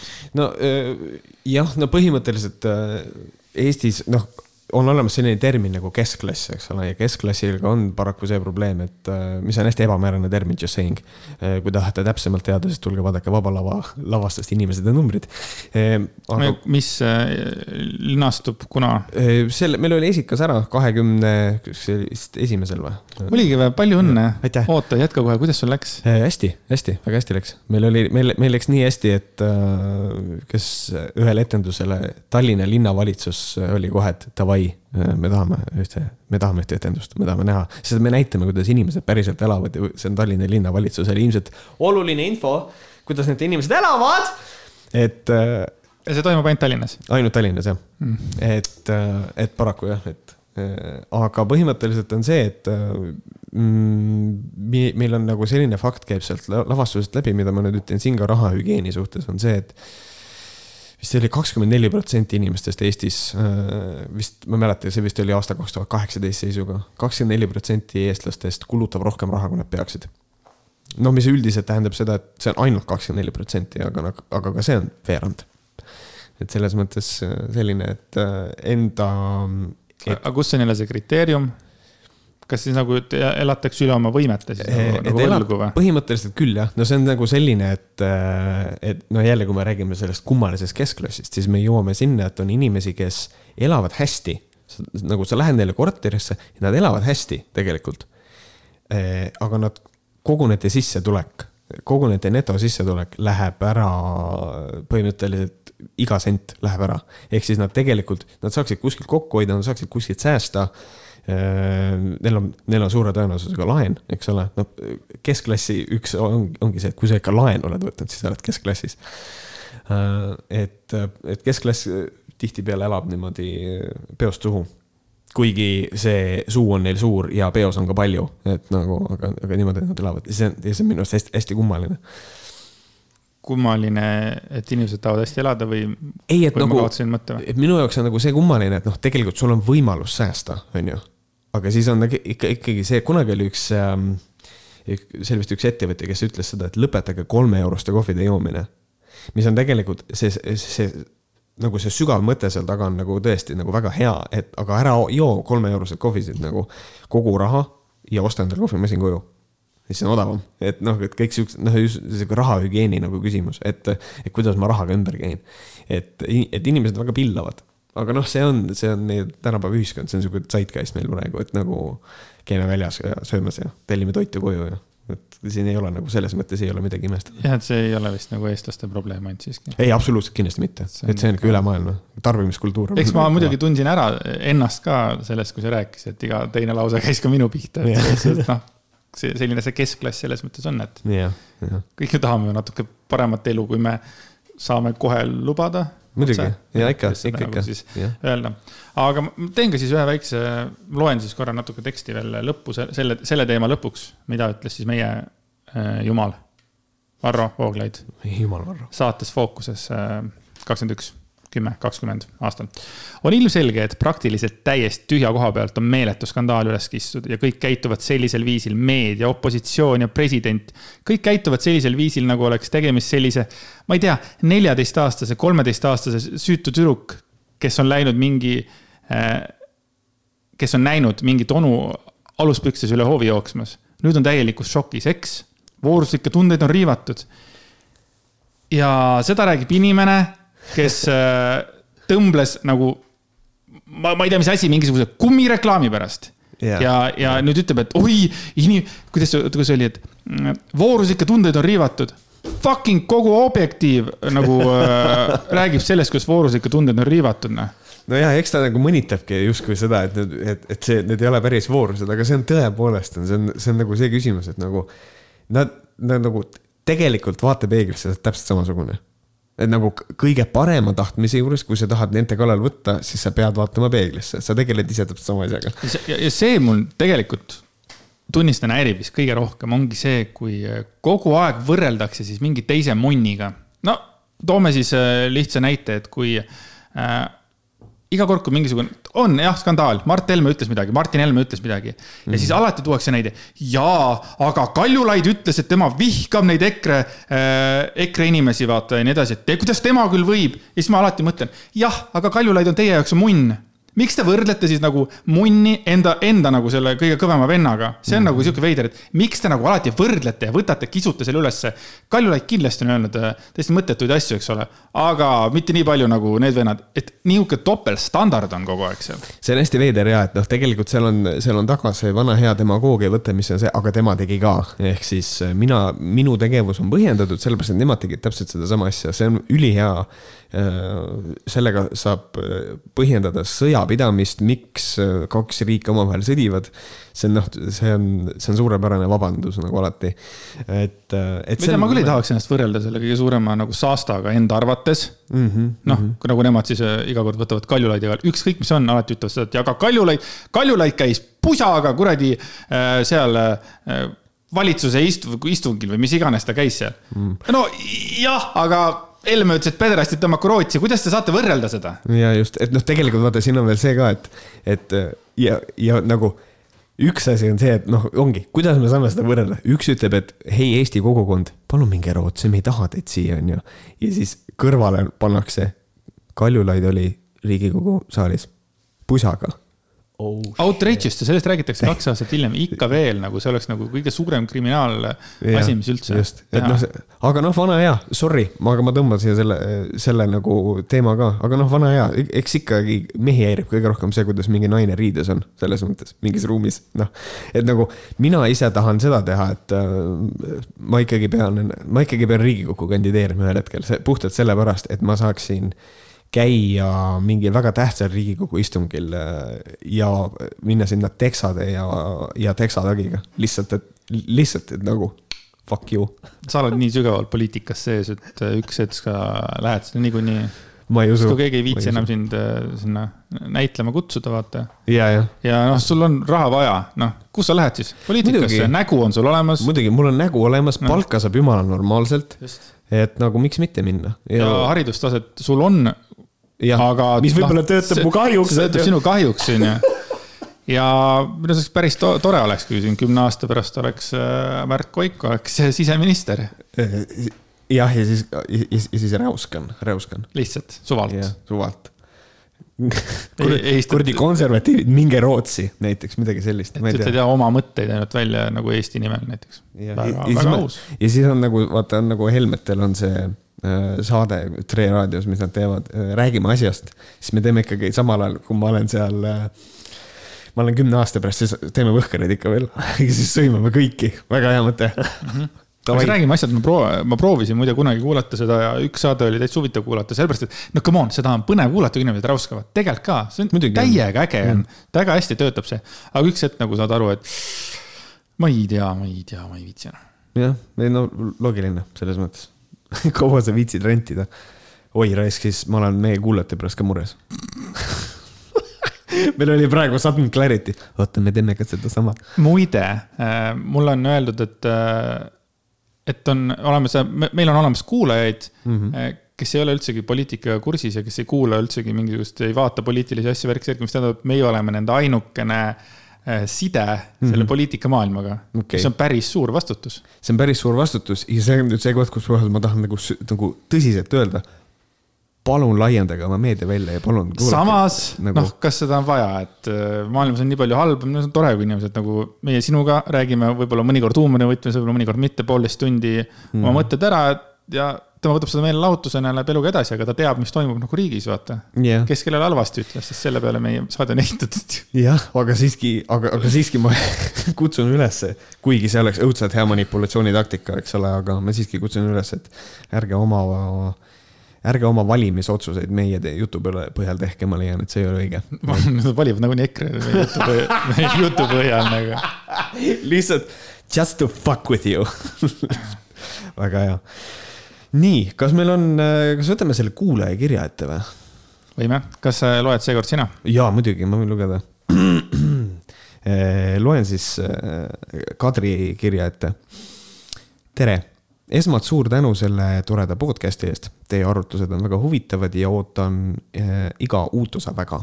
tahtsin natukene kommenteerida seda varu enne maru kampaaniat enda vaatenurgast ma töötan matkatarbeid müüvas kaupluses ja peale seda kampaaniat osteti väga palju gaasil töötavaid priimuseid koju. inimesed just ostsid suuremaid, automatkaks sobilikke. paljud mainisid, et ostavad igaks juhuks, kui näiteks elekter ära läheb. usun, et kui nii mujalgi analüüsida, võib näha sellest kampaaniast tulenevaid ostutrende. mina ise olen üles kasvanud ja elan rannikul kohalike jaoks ei ole viisteist kuni kakskümmend meetrit sekundis tuul maru, vaid pigem tavaline teisipäev. paari aastaga on aga näha, et seda loetakse kohe tormiks, antakse tormihoiatus, peetakse tormil live-blogi Delfis ja loetakse üles kukkunud puud ja elektrita majapidamised. käsit-, käsitletakse suuremas koguses, kästakse, vabandust, kästakse suuremas koguses süüa osta ja vett varuda. ma pigem muretsen, et kui reaalselt päris arvestatav torm tuleb, siis ma ei süvenegi nendesse uudistesse, sest ma ütlen, et niikuinii pole midagi erilist, nagu tavaliselt. Keep up the good work, Kadri. jah, ma ütlen selle kohta jah. jah, nagu siin, siin on hästi hea point ongi nagu see, et ühel hetkel on nagu see tormi asi, et see on nii normaliseeritud, et sa vaatad, ah jälle mingi torm, come on, see on siin kogu aeg ja siis ühel hetkel sa vaatad aknasse, mõtled, lehm lendab nagu. mõtled, et kurat, et mul ei ole makarone raisk tegelikult see on nagu probleem aga väga lahe on kuulda informatsiooni, et äh, nagu selles mõttes matkapoodide käive nagu tõusis tänu sellele yeah., aga tekib jälle sihuke küsimus, et aga kes kas, mis on selle asja agenda ikkagi, ma ei saa ikka sellest aru ennem arust nagu üle, et mis, mis on ikkagi nagu see point, ma ei usu, et nad kõik muretsevad minu ja sinu pärast. seal peab midagi veel olema, ma ei, aga tead, miks ma arvan nii kõigest niimoodi või? kui sa ütlesid, onju, et äh, inimesed laiendage oma seda luge-, lugemist ja oma seda ajakirjandust ja mida iganes. meediavälja. meediaväljaanded, ma olen jumala putsisema, ma tunnistan ausalt. Äh, ma olen nagu, ma olen nagu, nagu nii laiaks selle asja ampluaa ajanud et päriselt ma loen, ma loen päriselt Telegrammi, ma loen päriselt Objektiivi, ma loen päriselt Uusi Uudiseid, ma loen mhm. päriselt Delfit, ma loen päriselt Postimeest. jah, ma suudan mingisuguse asja nagu kokku panna, aga ma tunnen, et äh, üks meediaväljaanne rohkem kui teised hakkab mu aju nagu päriselt sööma ja ma muutun järjest mm -hmm. kurjemaks, vihasemaks ja ma hakkan natuke nende moodi rohkem mõtlema. no õnneks on see, et kui me räägime Objektiivist või Telegrammist, siis need ei ole ajakirjandusega mitte mingisugust seost see on, see on, see on selles mõttes küsitav vastus või küsitav, küsitav nagu asi, et. jah, et aga, aga noh, aga selles mõttes, et no,. elu kakskümmend neli on ajakirjandus, noh siis selles mõttes on ka nemad ajakirjandus. no ka see on küsitav selles mõttes, aga, aga ja, et, et selles mõttes, et see on hästi nagu hea ja väga nagu tark on oma meedia välja hoida nagu laiana, et sul oleks nagu mingi analüüsivõime, et üks allikas ütleb seda, teine ütleb seda. et näiteks kui meil tuleb äh, uudis, et oh, et Eesti majandusel läheb hästi, on ju, ja siis ähm, Postimees ütleb, Eesti majandusel läks nii palju paremini. ERR ütleb, Eesti majandusel läks nii palju paremini ja, ja uued uudised ütlevad, et et rahvas võib valitsuse üle olla uhke, Eesti majandusel läheb väga hästi, siis tekib küsimus, et nagu millega nüüd see uued uudised siis tegelikult tegeleb et noh, tegelikult ma saan aru, uudis võib sama olla, aga see tooni äh, asetus, see nagu fookuse asetus on nagu selline, et aga näete, mida meie valitsus tegi, noh, see on veits nagu creepy. True, true, seda küll jah. ja, ja nüüd siis saame edasi minna siis selle minu nagu lemmikasjani, et nagu konkreetselt täpselt nii nagu Priit Kuusk võttis AK-s selle asja kokku, et äh, oli kokku lepitud, siis valitsuskriis oli, siis suudeti ära leppida, öeldi, et me nüüd saame viisakalt hakkama ja siis ei möödunud paari, paari tundi ka mitte, kui riigikogu liige Urmas Reitelmann, kes on ka ERR-i fucking nõukogus, vabandust, oli, eh, nimetab eh, Ringvaate saatejuhte sodomiitideks. täiesti perses nagu konkreetselt et äh, see on inimene, kes äh, ühes äh, Suud puhtaks saates ütles seda ka, et peavoolumeedia on väärtusetu. noh, et sellel ei ole mõtet. mille peale Mihkel Kärmas tõstatas nagu otsesaates küsimuse, aga võib-olla te ei ole siis pädev olema selles nõukogus. et see tekitab mulle küsimuse teie pädevuse kohta. siis ta ei teinud sellest väljagi. ja siis põhimõtteliselt sellest tekkis väga suur furoor nüüd eh, Rekop ja Grete Lõbusid, Marko Rekop ja Grete Lõbu vist tahavad sellega kohtusse minna või vähemalt nad kaaluvad seda. ja Urmas Reitelmann astus tagasi. Eh, tuletan meelde, ta nimetas saatejuhte siis sodomiitideks ja ma kujutan ette, mismoodi Urmas Espenberg, kes on kuradi EKRE kuradi copywriter põhimõtteliselt, kes on kogu selle nende meediaga suhtlemise kava välja töötanud, et. ma kujutan ette, et isegi Espenbergil oli nagu kodus perse, mida me nüüd teeme, Urmas pani veits hullu, mida me teeme nagu.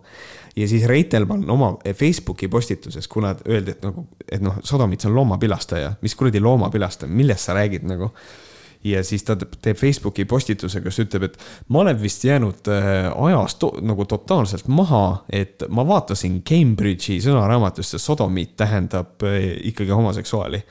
mis on nagu see, et kallis Urmas Reitelmann, kes, võin kõrvale öelda, minu arvates sa oled idioot.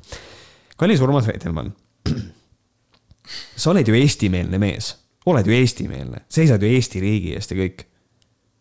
miks sa Eesti õigekeelsus sõnaraamatust ei vaata, mis sõnad tähendavad. miks sa Cambridge'i või Oxfordi sõnaraamatust ka vaatasid, miks sa nagu sihukese asjaga tegeled? Cambridge, nagu keegi tegi Facebooki postituse, äh, kus kohas ta ütleski, et aga sõnad, mis on nagu väga sarnased, võivad tähendada väga erinevaid asju eesti keeles, et noh, tema tõi väga hea näite näiteks. Äh, eesti keeles on novell. Inglise keeles on novel. Need tähendavad kahte täiesti erinevat asja. Novel on eesti keeles romaan ja novell on inglise keeles vist ongi short story, et nagu need on selles mõttes väga erinevad sõnad, täpselt samamoodi eesti keeles on, inglise keeles on sõna decade, mis tähendab kümmet aastat. Eesti keeles on sõna dekaad, mis tähendab äh, kümmet päeva on ka või? jaa, ma võin seda, ma, ma võin seda vaadata, kas see on, kas see on siiamaani sama. ma mäletan, et see siis, kui Jaanus Saks ehk siis Wild Disease lasi albumi välja mingi dekaad ja siis oli väga suur probleem. siis oli mingisugune kiun selle üle. Ma vaatan, kas nad on seda. sina vaata seda, aga ma räägin selle veel ühe uudise sodomiidi kohta veel.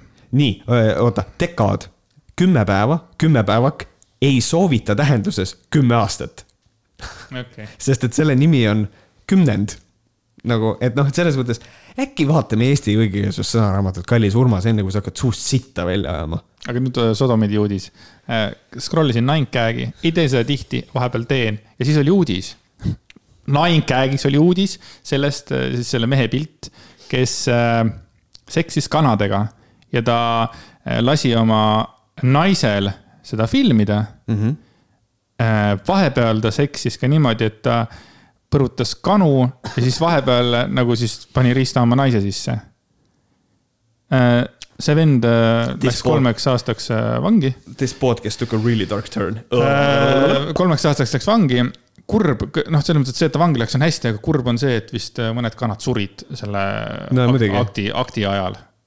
ja naine pääses ilma siis nagu süüdistuseta, sest et tuli välja, et see mees olevat ka oma naist kohelnud vist füüsiliselt väga halvasti mm. -hmm mm. -hmm. selline sodomidi uudis. et nagu see on sodomit ja siis. aga kui ta ütles seda, oota, ütle ära, mis ta siis äh, ütles, äh, mida ta mõtles? et ta mõtles homoseksuaali, ta mõtles homoseksuaali, jah. Kas Grete Lõbu on homoseksuaal või? ei ole. ma mõtlesingi, et saad aru, ma läksin, lugesin seda uudist, ma läksin kohe Google'isse Grete Lõbu homoseksuaal ja ma ei saanud mitte, ja ma ei saanud mitte ühtegi vastet, sest ma olin, noh. no selles mõttes Marko Reikopi kohta on olnud seda juttu ma ei tea, dekaad kümme, kümme päeva. Decade, aga Grete Lõbu kohta ma ei teadnud seda, jah. Et. ta, ta ei olegi siis, nagu ma aru saan. Äh, et noh, Grete Lõbu kindlasti ei ole homoseksuaal, et ta on, äh, tal on. Margus Saar äh, on ta elukaaslane, neil on lapsed ja minu arust Marko Reikop on väga unapologetic äh, olnud sellega, et ta on, on, on homoseksuaalne inimene. ja siis ongi nagu see, et kas ma ei, ma, ma, ma nagu ei saagi aru, kas Urmas arvab, et see on kuidagi mingi nakkushaigus või või ma nagu ei saa aru, kuigi nagu tema point ilmselt oli nagu see, et noh, tegelikult ähm,. Fucking Urmas Reitelmann, et tal nagu see, et noh, et, et et saade on nii jubedalt kallutatud oli nagu, et temal oli see probleem, aga see ei anna sulle õigust inimesi kutsuda sodomiitideks nagu selles mõttes. et äh, ta väidetavalt on siin ka, kui ta andis intervjuu, siis ta ütles, et äh, et ERR rikub iga päev Rahvushäälingu seadust, et ta on tõstatanud seda probleemi üle nädala väidetavalt siis sellel äh, nõukogu koosolekul. väidetavalt Rei-, Rein Veidemanni see asi ei huvita, et, et seda rikutakse Eh, noh, põhiline probleem on siis see, et ei olda erapooletu ja ei äh,, ei propageerita perekonda. ehk siis äh, põhimõtteliselt mainitakse ära, et nagu selline perekonnal äh, põhinev selline mudel justkui peaks olema nagu sellel, see on sisse kirjutatud Rahvusringhäälingu nagu sinna seadusesse aga, aga fakt on selles, et seda ei ole sinna sisse kirjutatud, et traditsiooniline perekond, vaid on kirjutatud sisse mõiste perekond, mis tähendab väga erinevaid asju ikkagi. et selles mõttes, et üksik ema oma lapsega on perekond ja, ja nüüd, kui sa oled konservatiivne inimene, ütled, tegelikult ei ole, siis lihtsalt palun mine perse, on küll perekond, kui nad ennast määratlevad nagu perekonnana, siis on see nagu ikkagi tegu on perekonnaga aga kuidas siis oleks see seis nagu võrdne, et äh, kuidas nagu tahetakse, et siis äh, valitaks äh, saatejuhte? et siis kas selle järgi, kui hea saatejuht on või siis selle järgi. mis ta orientatsioon on? Mis asi? et mis ta orientatsioon on? orientatsioon, tahtsin, ma kuulsin midagi muud hoopis ma kuulsin, mis ta reputatsioon on, organisatsioon, orientatsioon. et mis on ta orientatsioon ja et siis kuidas on tema suhtumine mingitesse orientatsioonidesse siis või? no näiteks. aga et... siis, aga siis see ei ole ju nagu, et mis see siis peab olema? kas, see on siis nagu, siis nagu käss, see on siis nagu reegel, et kõik saated, mis ütleme ETV-s on e, siis ka selles Vikerraadios ja neid asju vist on veel, on veel kuskil midagi, Raadio no. kaks äkki või? Äh, raadio kaks. peaks ka olema sinna äh, Rahvusringhääling. kindlasti, ma võtan selle kohe ette. et siis peakski niimoodi nagu noh, viiskümmend, viiskümmend, viiskümmend, siis peab olema need töötajad seal ka. ja siis kogu aeg peavad olema paarid nagu ka muusikasaates võiks olla nagu see, et kes et konservatiivsem muusikamaitse ja siis liberaalsem muusikamaitse. ja siis yeah. saadetes on konservatiivsed äh, perekondlikud mõtted ja siis äh,, ma ei tea, kas siis tohiks üldse mingisugust et noh, põhimõtteliselt on Eurovisiooni ETV, on ETV, ETV2 ja ETV Pluss on telekanalid, on ju, siis igale nendele peaks, sealt peaks olema pool saatekavast on kuidagi väga konservatiivne peaks olema. raadios Vikerraadio, Raadio kaks, Klassikaraadio, Raadio neli ja Raadio Tallinn mm. -hmm. nagu need on viis raadiot, siis sinna on vaja seda kuidagi, et ma nagu päris täpselt ei saa nagu aru, et selles mõttes, eriti kui probleem on selles, et äh, me kutsume. saatejuhid isegi ei sobi omavahel kokku. jah, absoluutselt et noh, selles mõttes, et, et, et noh, see on, ma päris täpselt ei saa aru, mis see lahendus on. ja nüüd tegelikult Reitelmanni asemele siis tahetakse sinna panna Anti Poolamets äh, lihtsalt kõrvale, see ei ole ausalt kuidagi seotud. kas sa oled kuulnud sellist äh, ütlust, et nagu äh, sama sitt uues kuues? oled sa kunagi kuulnud? no vist olen jah. selge, väga hea. kuna ma seda kuna ma seda nime ei tea vist. ega see ei ole sama tüüp, kes äh, oli ainukene, kes ei kasutanud kuluhüvitisi ära, ei olnud? ma ei mäleta, kas see oli Anti Poolamets. ta mingisugune raadio DJ oli see, kes äh, oli ka mingisugune Tre raadios ja nüüd ta siis on ka äh, poliitik ja valitsused, valitsused.. ei, see vist ei ole ikkagi see, et Anti Poolamets on ka olnud väga reljeefse sõnakasutusega, et ma arvan, et ta on põhimõtteliselt Urmas Reitelmann, lihtsalt nägu on teine ja tema tahab siis oma jutu järgi seista selle eest, et ERR lähtuks põhiseadusest ja ringhäälingu seadusest.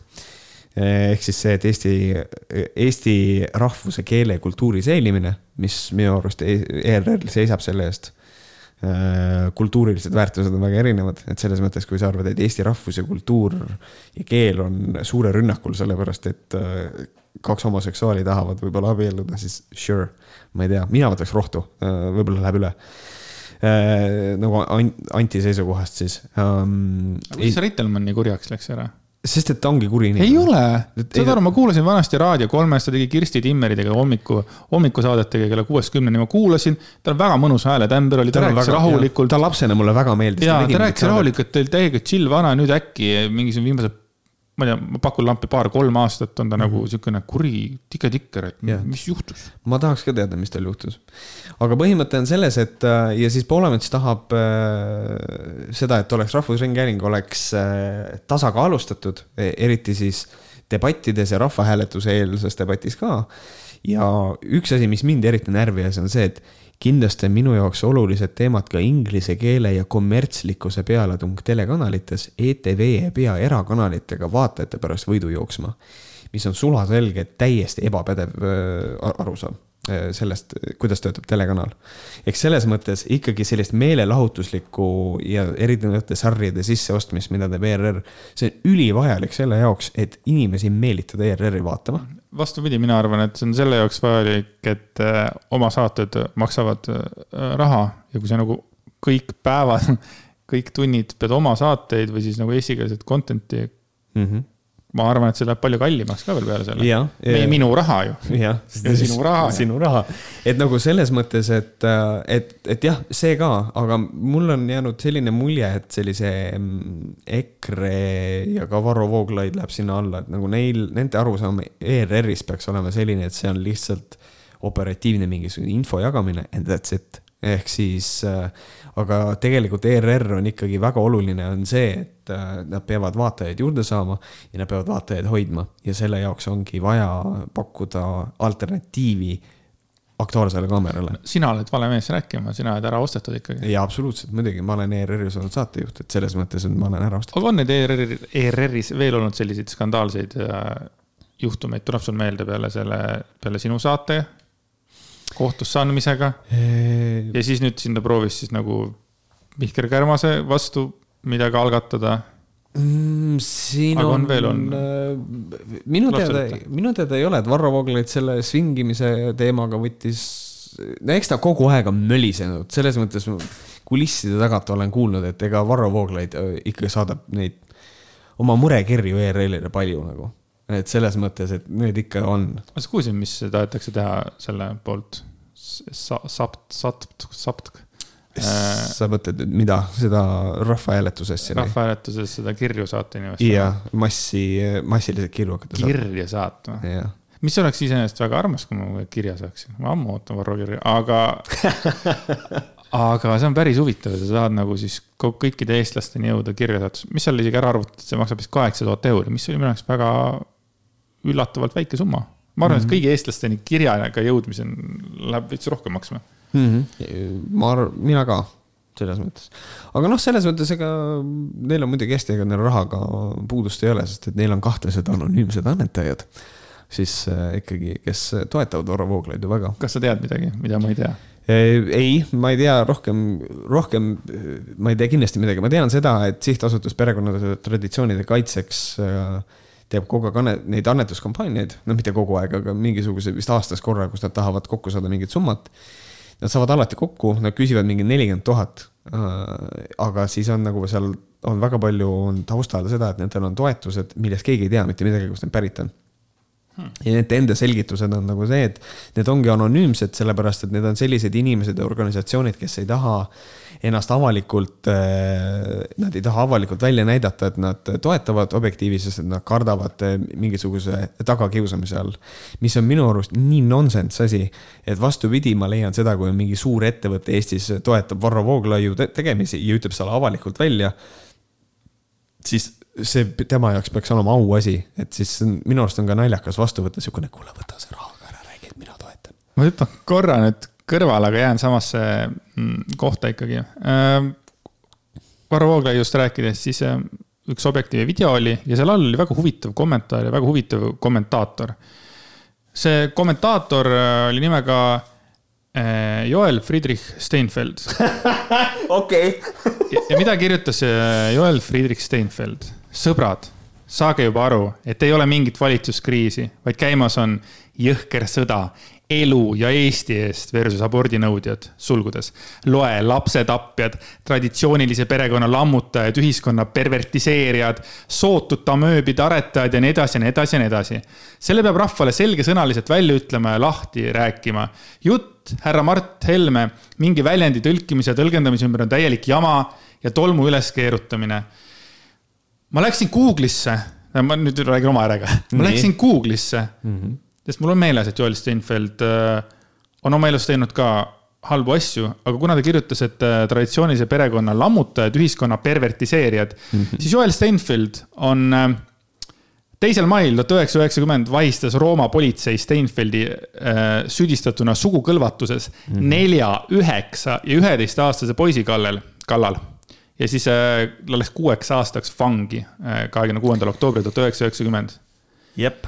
ja noh, neid asju oli veel, aga what the fuck nagu. tal on Eestis ka kahtlus peal, tegelikult tal oli, teda on kahtlustatud kehalises väärkohtlemises alla kaheksateistaastase isiku sugu, sugu suguühtele sundimises. ja Aron Loksmaaga oli ka mingid skandaalid siin aastal kaks tuhat kaks. just, just, et, äh, et siis, ta ise eitab neid asju, aga türa, ta on kinni istunud. ja lihtsalt see nagu tõmbas küll mul nagu korraks ära, et äh, silmakirjalikkus või, või mis või ta on lihtsalt, või ta on nii vägivaldselt saanud oma veast aru ta on lihtsalt, et ma olen ise selles augus olnud et, et, et ma ei tea. kui ma nüüd tahaks Kristjan äh, lüüsilaadset mingit postitust või, või hüüdu teha, siis mina nagu ütleksin kõikidele Võhkarite kuulajatele, kui sa oled süüdi mõistetud pedofiil või oledki nagu värdjas pedofiil, kes on nelja või seitsme-üheksa-aastaseid ja noh, loomulikult kõiki neid äh, lapsi kuidagi ahistanud, siis palun ära kuula Võhkareid.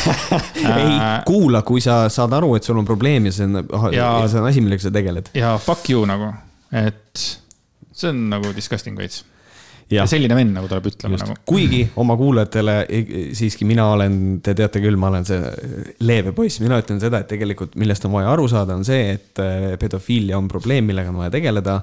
et selles mõttes need inimesed otseselt ikkagi, nad ei ole ise süüdi, et nad pedofiilid on ja neid inimesi on vaja aidata, mitte stigmatiseerida, need inimesed vajavad abi kõige rohkem. välja arvatud siis, kui sa oled Joel Seinfeld, sest et Joel Seinfeld on tõesti kummaline inimene ta on, ta on minu, ta on mind nimetanud ühes kommentaaris külateatri näitlejaks.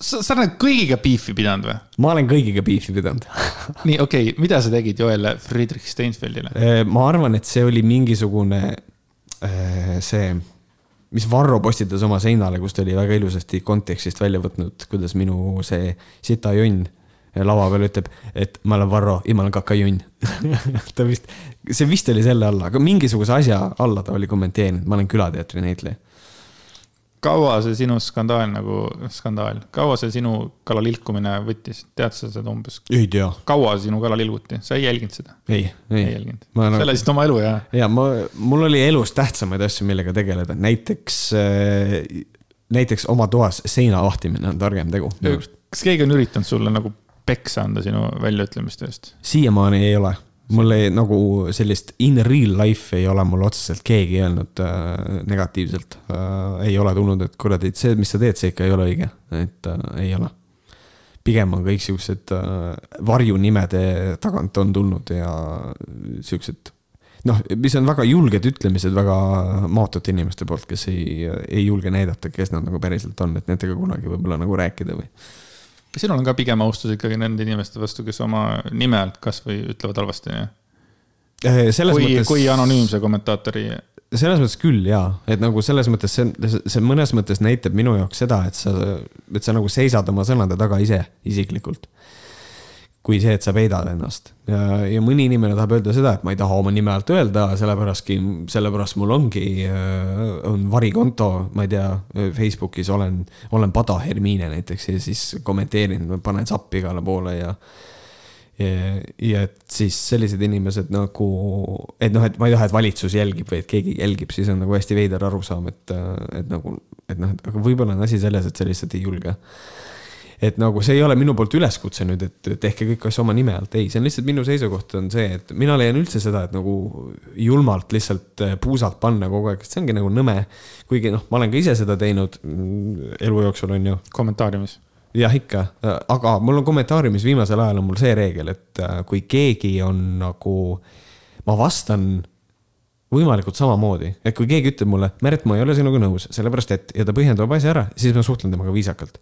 kui keegi paneb mulle no nii pederast, sinusugune blablabla bla, bla, noh, mingisugune sõim, siis ma vastan samamoodi, sellepärast et noh, sina tegid selle ukse lahti, sina räägid minuga niimoodi, mul puudub see otsene vajadus olla nüüd sinuga viisakas, ma võin, aga ma ei pea, nagu selles mõttes väga, ma arvasin, et sa pigem oled see vend, et noh, keegi saadab su putsi, siis sa mm -hmm. noh, ma ei tea, paned like'i selle kommentaari ja lähed eluga edasi, et see on huvitav, et sa üldse vastad. sest minu arust vastamine yeah. on kõige mõttetum tegevus äh, kui sa lähed nagu kommentaatoriga vaidlema mm. -hmm. no tihtipeale on see ka, et tekivad mingisugused, ähm, et noh, et ma ei ole sinuga nõus, on tsiviliseeritud, ta annab mingi omapoolse seisukoha, siis ma leian, et on hea mõte seda nagu kommenteerida ikkagi ka omalt poolt, et noh, et mina leian niimoodi, et, et võib-olla ma aitan seda inimest natukene mõelda mingi asja peale, võib-olla mingi nüansi alt, mille peale nagu tema ei, ei ole mõelnud või tema nagu minu puhul samamoodi, et noh, mina, mina võib-olla mõtlen mingi teise nurga alt sa proovid siis teda nagu ravida veits või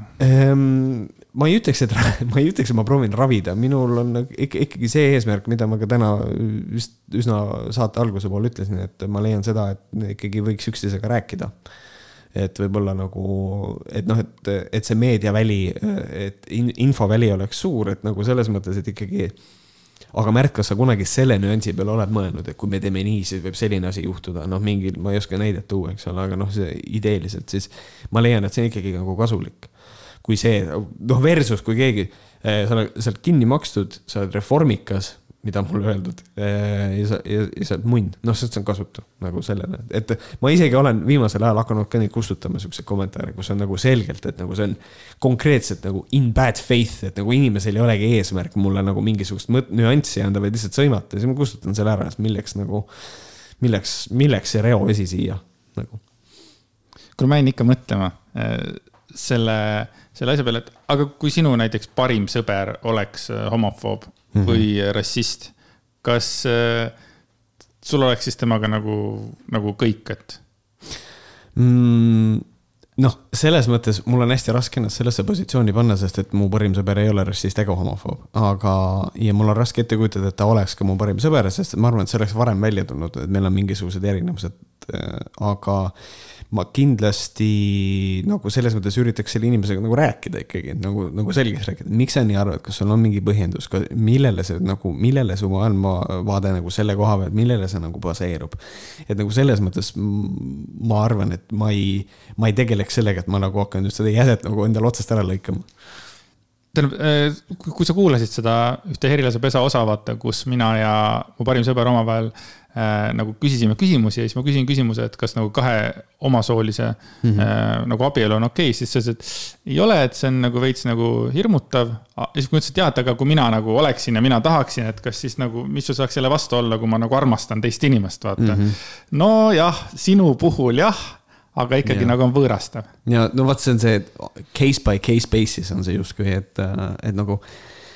Äh, sest tegelikult ju, kui ma hakkan mõtlema, no ma ei ole oma elus nagu tegelikult sõpradega, ma ei ole neid, neid teemasid nagu puudutanudki mm. -hmm. ja, ja, ja, ja sellepärast ma nagu mõtlesingi, kui ma taaskord tulen Kristjan Lüüsi postituse peale, et, et aga kui ongi päris palju inimesi, kes tegelikult noh, nad ei ole selle teemaga kokku puutunud, mingid päris head ja, ja olulised inimesed elust nagu ütlevad, ah mine perse noh. Mm -hmm.. jah, et noh, see on nagu, nagu minu puhul oligi ju, ma olen kaks aastat käinud äh, ülikoolis ja siis ma sain teada, minu kursavend, minu sõber, et ta on gei.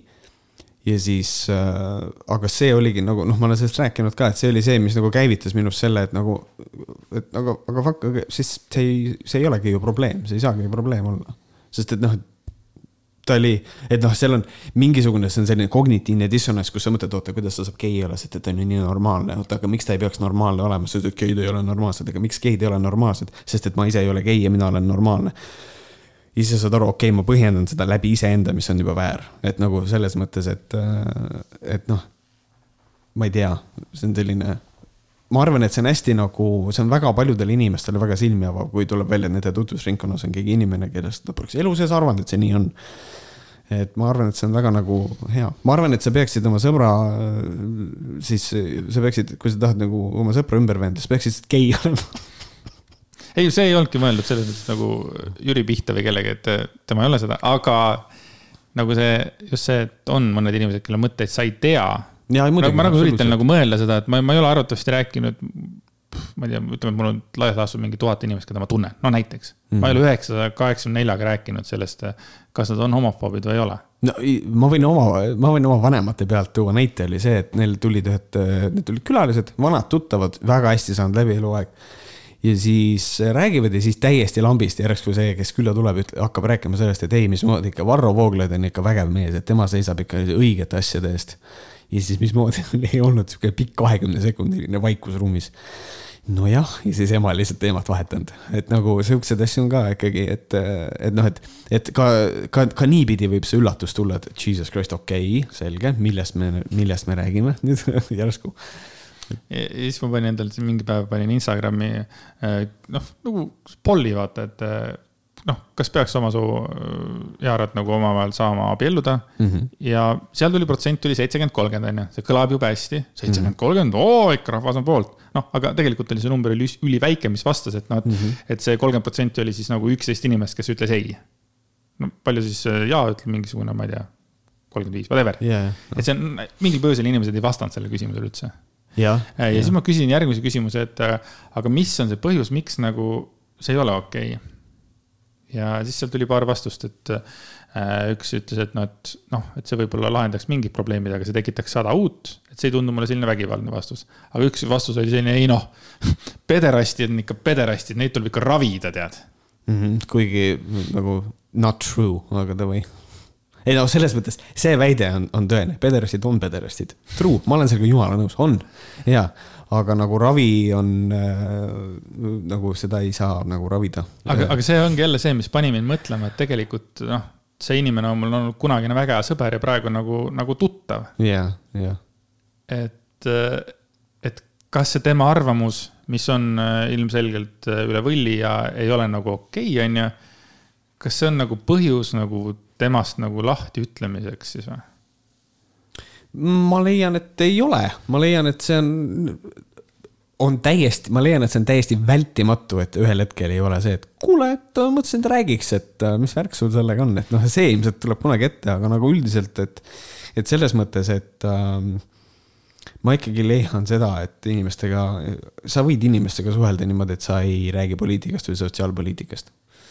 Et nagu see on nagu. minu arust okay. on isegi parem, kui ma ei räägi sellega, sellest inimestega, kui ma tean, et on olemas mingisugused kindlad trigger'id mm. -hmm. et ma pigem räägin sinu, sinuga poliitikast, sest meil nagu siiski jah, laias laastus ikkagi ühildub jah, põhimõtteliselt küll, et, et on nagu safe, et noh, tegelikult nagu meie, me nagu inimestena keegi ju ei taha sattuda ju konflikti selles mõttes. aga nagu tänapäeval poliitikast rääkimine on reaalne miiniväli ka sõpradega.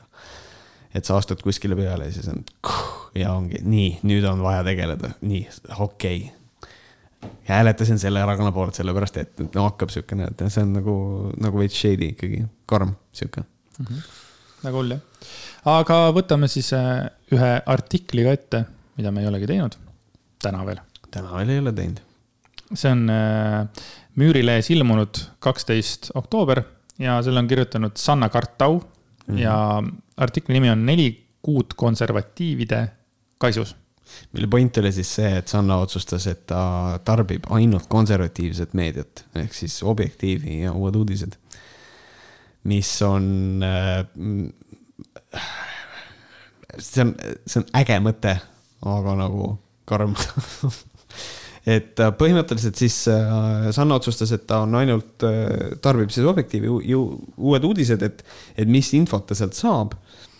Ja siis ta tõi sealt välja igasuguseid siukseid huvitavaid uh,, huvitavaid nüansse, et mismoodi näiteks konservatiivid on kogu aeg on-off'rid. mis on nagu tegelikult noh, nii ongi ja ma ütlesin ka seda vist äkki esimene saade või? et kuidagi see ohvri mentaliteet on hästi tugev. et, äh, et küll on see, et äh, noh, näiteks ähm, EKRE liiget nimetati, nimetati Kroonika Delfi veergudel pahatahtlikult netitrolliks. Äh, ja siis on, kuna sa siin juba Kaljulaidist rääkisid, president ei tunnustanud Objektiivi meediaväljaandena ja Madisson langes Euroopa Parlamendis tsensuuri ohvriks no,. kõik mingid siuksed pealkirjad, mis on nagu hästi suured liialdused, eriti tsensuuri ohvriks langemine on probleem. Eh, noh, nagu ilmselge liialdus ja nagu Objektiiv ei ole meediaväljaanne.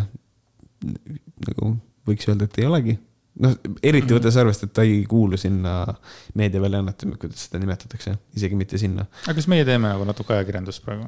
Kas podcast'id on nagu ajakirjandus? no võivad olla muidugi, selles mõttes, ega podcast ei ole ju tegelikult minu silmis, nüüd ma võib-olla teen kõikidele podcast idele liiga, et podcast oma nagu eos on ikkagi raadiosaade tegelikult, mis on nagu indie põhimõtteliselt ja ongi kõik. et nagu selles mõttes, kui me ikkagi teeme, räägime uudistest, siis võib öelda, et me teeme uudistesaadet, aga see on podcast'i vormis, et selles mõttes sest vot see ajakirjaniku asi, mis äh, mulle nagu nalja teeb, on see, et äh, kui me hakkasime siin Kene raadios tegema äh, saateid mm, -hmm. siin mina, mina hakkasin üle kahe, kahe aasta tagasi, siis me saime ka Kene raadio poolt ajakirjaniku siis nagu sihuke väike nagu dokument, kus meie pilt peal mm -hmm. ja mhm. see on Kene raadio ajakirjanik yeah,. Yeah. ja siis mõtlesin, et okei okay,, tollel ajal äkki oli kaks tuhat üheksateist oli siis nagu Eesti Laulu need poolfinaalid olid siis Tartus. ja ma siis saatsin ka selle, et meie kui ajakirjanikud sooviksime ka siis nagu, nagu saada sinna ajakirjanikke sinna tuppa või sinna vaata nagu ajakirjanikena siis pressina. ja, ja meid legitimiseeriti ära ja me Jüriga käisimegi siis nagu Eesti Laulu esimest ja teist poolfinaali siis nagu ajakirjanikena mm. -hmm.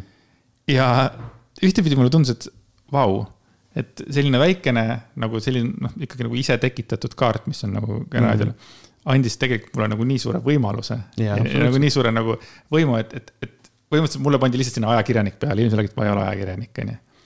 ja siis ongi nagu mõtted selle peale, et, et Objektiivi ja, ja uusi uudiseid ei võeta ajakirja, ajakirjanduslike nagu väljaannetena mm. -hmm. ja siis mõtled selle peale, mul oli üks väike kaart, kus oli kirjas ajakirjanik generaalne yeah,. ja ma, ja ma käisin lava taga ja ma olin jõle kõva vend, vaata. jah, et noh, näiteks kui mina näiteks teeksin mingit videot, eks ole äh,, siis see on jumala okei okay., ma helistan kellelegi.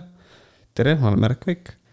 Ma olen vabakutseline ajakirjanik, ma võin ju seda öelda, sest et noh, põhimõtteliselt ma laias laastus tegelen ju oma kanalil ka mõnes mõttes ajakirjandusega. et noh, selles mõttes see variant on olemas. Prolli keegi nüüd Eurovisioonile ei laseks, on ju, aga, aga nagu still sina olid ka sealsamas äh, ma olin saatejuht. sa olid saatejuhina olid. ma olen saatejuhina. ja näed, meie olime seal ajakirjanikena ja sina olid seal Ongi kõik saatejuhina. just, ei, see oli, see ei olnud Ongi kõik, see oli Ongi Eesti Laul. see oli teine saade no jaa, aga mul point oli sama, Matt, Matt, Mattias Naan ja Karel Nõmmik olid ka ju. jaa, olid küll jah. see oli mu esimene kokkupuude Mattias Naaniga muidu, tegin temaga väikese diktofoni intervjuu hmm,. okei okay..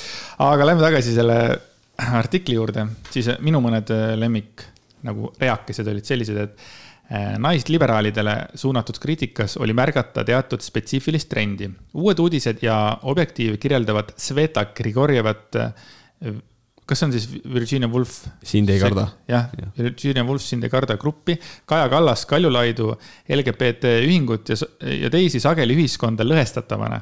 säärane retoorika, retoorika sisaldab äh, kahte huvitavat elementi. esiteks on selge, et lõhestamine on palju hullem, kui tegu on naisega. just, see on hästi, ma soovitan konservatiivset meediat jälgides alati panna tähele, kui palju tõsisem on väidetav lõhestamine, kui juttu on naisest mm. -hmm. sest et see on täiesti reaalne probleem, sellepärast et naise koht ikkagi sihukese konservatiivse pildi järgi ei ole nagu see, et ta on aktiivselt päevapoliitikas ja et noh, noh, see on see vana hea nali, et noh, naine peab köögis olema, et noh, et see on, see, see nüüd sõltub, kui suurest nagu konservatiivsest kuradi tsunftsist me räägime, et EKRE puhul see ilmselt päris nii ei ole.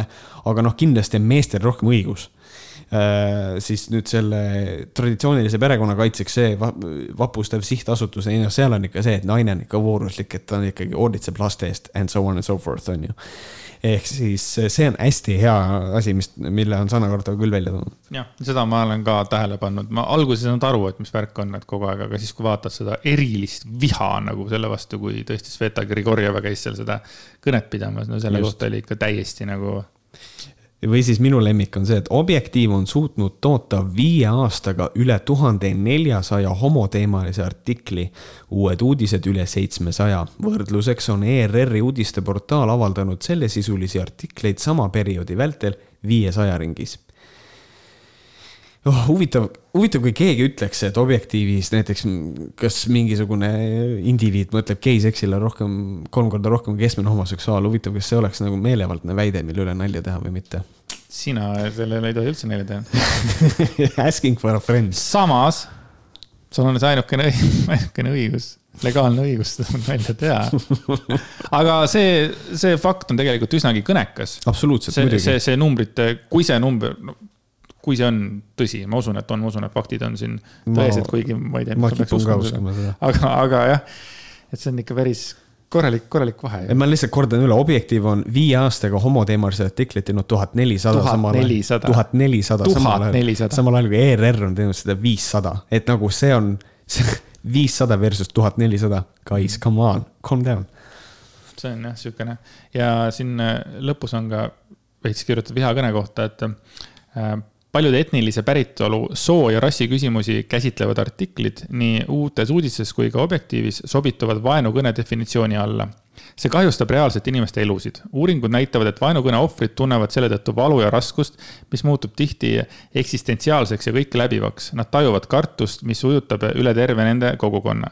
inimesed ju räägivad ning ühe ohvri lugu tekitab hirmu ja kurbust terves kogukonnas. see hirm takistab intuitsioonide poole pöördumist või ise selle vastu astumast. vaenukõne vaigistab kogukondi ning raskendab eneseväljendust laiemalt.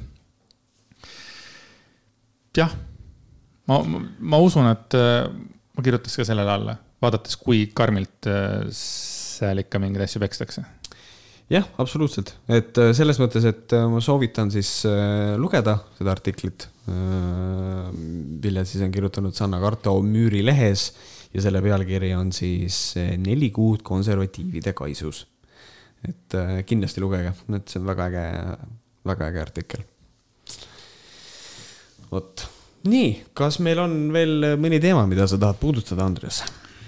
tead, ma arvan, meil on väga hea poliitiline saade olnud. meil on eh, ja siinkohal tuletame meelde, et rääkides, et me, meil oli väga poliitiline saade, siis meil on tegelikult ka au üles astuda Appa raadio festivalil poliitikalaval. et selles mõttes, et eh, kui kunagi Andrest üllatas, et, et me oleme poliitikalaval, siis kus ma nende lavade nimesid vaatasin, me ei sobigi mitte kuskile mujale, Andres. ei, ja, ja tänase saate puhul ma taaskord eh, jah, pean tõdema, et me oleme väga, väga, väga poliitilised. me oleme väga poliitilised. väga ohtlikku mängu mängin tegelikult sina oled seda mängu tõesti pikalt mänginud, et selles mõttes, aga veits mul on turvalisem sinuga koos mängida, ma tunnistan ausalt. Jah, sest et äh, minul on see suur nägu, mina võin põhja minna nagu Estonia, aga sina saad võib-olla pääse, jää tee peale. mis sa mõtled sellega mitte midagi, ma lihtsalt mõtlesin, et tahaks mingit lolli nalja teha. ma hakkasin kohe mõtlema, et, et kus, kus, kus see nagu see tuli, et, et mul on nagu rohkem õigust. no ei, aga sa pead kindlasti arvestama sellega, et kui meil peaks nüüd tulema kõva konservatiivne valitsus, siis võib-olla me oleme kunagi sinuga istuma vangis kui dissidendid, et ei sinna saame palju, issand, siis võiks, siis võiks teha no,, saame, oota, kuidas see, kuidas, kuidas sinu kaassaatejuht Jüri ütles, saame kinnimajas äh, pragada või mis see oli. ja, ja, ja, ja saame, ja saame vanglas teha podcast'i uh,. issand, mis mul tuli meelde, oli see, et äh, kas mitte Poolas ei ole see abordi keelustamine ikka mingi ah,, seal on mingid massi, massilised mingid rahva. ja, ja, sest et Poolas keelustati abort isegi siis ära, kui rasedus on, äh, on emalohtlik põhimõtteliselt. seal vist oli niimoodi, et äh, on lubatud siis, kui on, on vist vagistamisohver või? enam ei ole seda ka et see enam ei ole seega lubatud ja, ja nad ongi... käivad siis nagu turi-, turistidena mujal siis. jah, põhimõtteliselt jah, nüüd on äh, Poolas põhimõtteliselt on see selline seis, et kui sa tahad aborti teha, siis ei saa, kõik, period, vahet ei ole, mis põhjusel, lihtsalt ei saa. Väga jõhker väga-väga vot abordi teema on meil veel puudutamata. abordi teema on meil täiesti puudutamata. ja ma olen mõelnud selle peale, kas me nagu võiksime seda puudutada, sest et kuidagi ma olen aru saanud, et, et eriti hinnata seda nagu naiste poolt kui sellised a la, ütleme siis keskealised mehed hakkavad arutama selle, kuidas naised oma kehaga võiksid või peaksid käituma. ma olen alati olnud hästi kahtlev, kas see teema on nagu õige minul. jah puudutada Ab. absoluutselt, sellepärast et nagu siin on, mis sotsiaalmeedias ka nagu liikus, oli hästi äge võrdlus. et aga minu arust võiks rasedusega palju lihtsam on võidelda niimoodi, et kui me tahame seksida ka, on ju, et las mehed teevad vasektoomia, vasektoomiat on võimalik ümber pöörata, on ju. et selles mõttes, et aga, aga teeme vasektoomia ja siis ei ole rasedusega pro probleeme ja siis, kui kõik mehed ütlevad, oot, aga ma ei taha vasektoomiat teha, siis ongi see, et aga kas ei ole ebameeldiv, kui keegi ütleb sulle, mida sa teha võid ja, ja nagu pead? minul tekkis küsimus, et miks ei ole välja mõeldud veel meestele mingeid pillikesi? kusjuures minu teada on, aga need ei ole populaarsed. sest et mehed, sest et mehed ei taha pille võtta sest et las see vastutus on naise seljas, veits seal on. kui on valida nagu, kas panna kumm peale või võtta pilli, siis mulle tundub nagu pilli võtmine isegi mugavam. jah, mõni mees võtab isegi kaks pilli, üks neist on sinine jah, et nagu minu arust ei ole ka seal vahet. seal on nagu erinevad asjad ka, mõni, mõni naine näiteks võtab pille ju sellepärast, et, et tal on sellega kaasnevad kas temal on, kas tal on päevad kergemad näiteks, mõnel, mõnel naisel läheb näonahk korda, kui ta võtab pille et aga, aga me ei saa jätta kõrvale selle, et on ka palju nagu negatiivseid asju, mis võib naiskehaga juhtuda. aga see on kõik selline asi, et ma arvan, et sellest me, kui see, kui me räägime sellest, siis me räägime edaspidi, et ma ei ole nagu väga palju seda research'i teinud sellel teemal praegu. sest tundub ka veider asi minna koju hakata nagu seda research'i tegema, aga samas mehena oleks, ma leian, et see on õige et ma nagu teaksin, mida nagu naised oma kehaga teevad. aga seda ma julgen küll välja öelda, et abordi keelustamise poolt ma ei ole, ma olen mm -hmm. selle täielikult vastu ja, ja minu arust see on väga kohutav, kui sellised asjad nagu päriselt juhtuvad aastal kaks tuhat kakskümmend ja nii edasi mm. -hmm. et sihukeseid otsuseid võetakse vastu kuskil. ja veel siiamaani on mingid inimesed, kes nagu ka Eestis päriselt ajavad seda agendat, et see nagu läbi läheks yeah.. ja see on kohutav see on suht, see on suht nõme jah, et nagu selles mõttes mina leian seda, et, äh, et tegelikult võib otsustada naine seda, kas ta tahab last saada või mitte, see ei ole mingisuguse kilaka mehe otsustada. jäta mind rahule aga jaa, ma olen täiesti nõus. aitäh teile, et te meid ikka kuulate. suur tänu, näeme järgmine kord. jah, tšau